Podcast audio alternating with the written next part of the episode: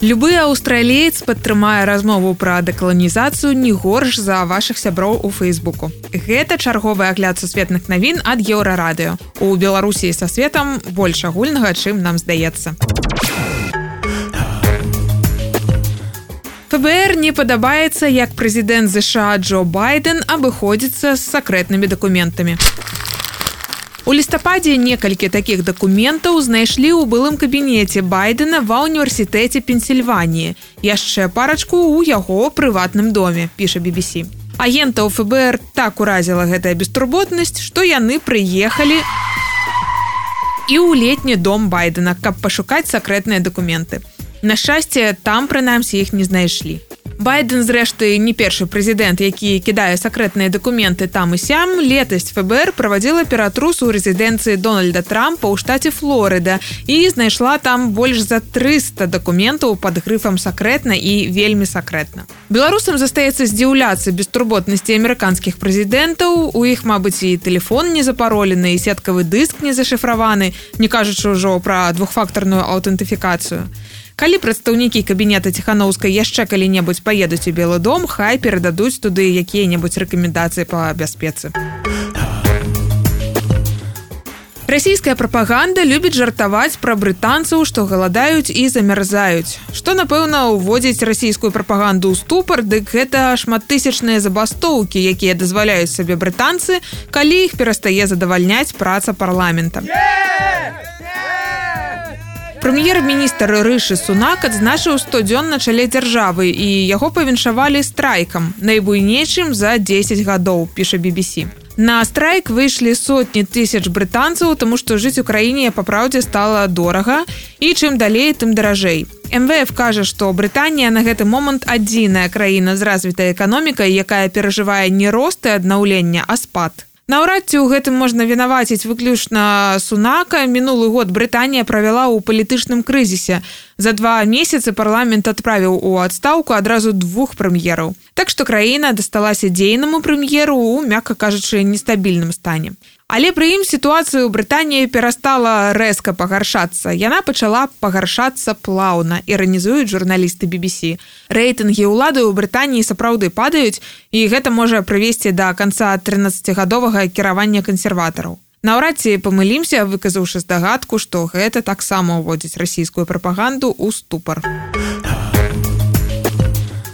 штучны інтэлект зноў дапамог чалавеку. Гэтым разам тэхналогія вызначыла каму належыць невядомая п'еса ў архівах нацыянальнай бібліятэкі іспаніі. Штучны інтэлект прыйшоў да высновы што яе аўтар сам лопе дэвега людзі праверылі за штучным інтэлектам і прыйшлі да той самай высновы расказвае сенэн у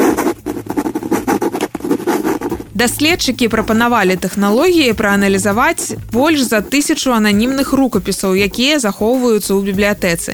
Нейрасетка параўнала гэтыя ананімныя тэксты з творамі 350 пісьменнікаў ч'ё аўтарства вядомае дакладна. І так літаральна па стылі аўтары і па словах якія ён ужывае больш за ўсё высветлілі хто напісаў безназоўную п'есу Людзі таксама маглі б гэта зрабіць, але на працу пайшлі б гады. Хутка п'есу надрукуюць пад імем лопа да вега. Калі вы з тых, хто баіцца штучнага інтэлекту і лічыць, што ён загубіць планету, пераконваць не будзем, але нагадваем пакуль людзі самі нядрэнна з гэтым спраўляюцца. І пра гэта наступная навіна. There is no planet B. There is no planet bla, bla bla bla, bla bla бла. Грэту Тумберг чацвёрты раз вылучылі на нобелеўскую прэмію міру. Яна вось-вось паб'е рэкорд адвечнага заўседніка шорт-ліста нобелеўкі па літаратуры харукі муракамі. Гэтым разам Грэту вылучыла прадстаўніца шведскага парламента Лан Мары Берг, піша выданне Віджы. Разам з ёй парламентарка вылучыла на прэмію іншую кліматычную актывістку Ванесу на катэ з Уганды абедзве актывісткі пачалі кліматычную кар'еру з адзіночных пікетаў. Толькі адна ў швецыі а другая ва ўгандзе і натхнілі мільёны далучыцца да іх. Нагадваем што менавіта грэта прыдумала акцыю пятніцы для будучыні яна кожную пятніцу выходзіла да шведскага будынка парламента заклікаючы звярнуць увагу на кліматычную праблему А як жа школа? Гэта ж тады была школьніцай. Дык навошта школа калі глобальнае пацяпленне загубіць планету тлумачыла Грэта Вайна ва ўкраіне энергетычны крызіс прымусілі нас забыцца на крызіс кліматычны бо навошта нам кліматычныя актывісты калі планету можа згубіць ядерная зброя. Але вось вылучэнне грэты на нобелеўку зноў нагадала нам пра тую праблему. Яна нікуды не падзелася. Цэнтральны банк Аўстраліі не будзе выпускаць банкноты з выявай новага брытанскага караля Карла III піша BBC. На старых 5доларовых аўстралійскіх банкнотах выяўленая вядома ж лізавета другая і мяняць іх пакуль не плануюць. Але калі заменяць, то новыя будуць прысвечаныя культуры і гісторыі карэнных аўстралійцаў. Гэта рашэнне банка ўхвалілі лідары аўстралійскіх карэнных супольнасцяў. Wait, why?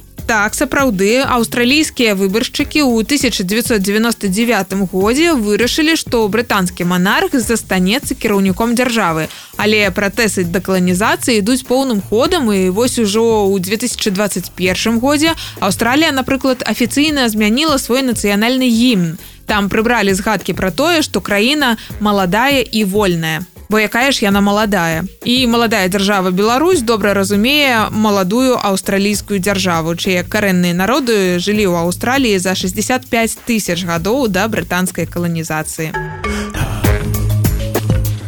будем працягваць кожную пятніцу трымаць вас у курсе самых важных і па праўдзе не вельмі важных сусветных навінаў у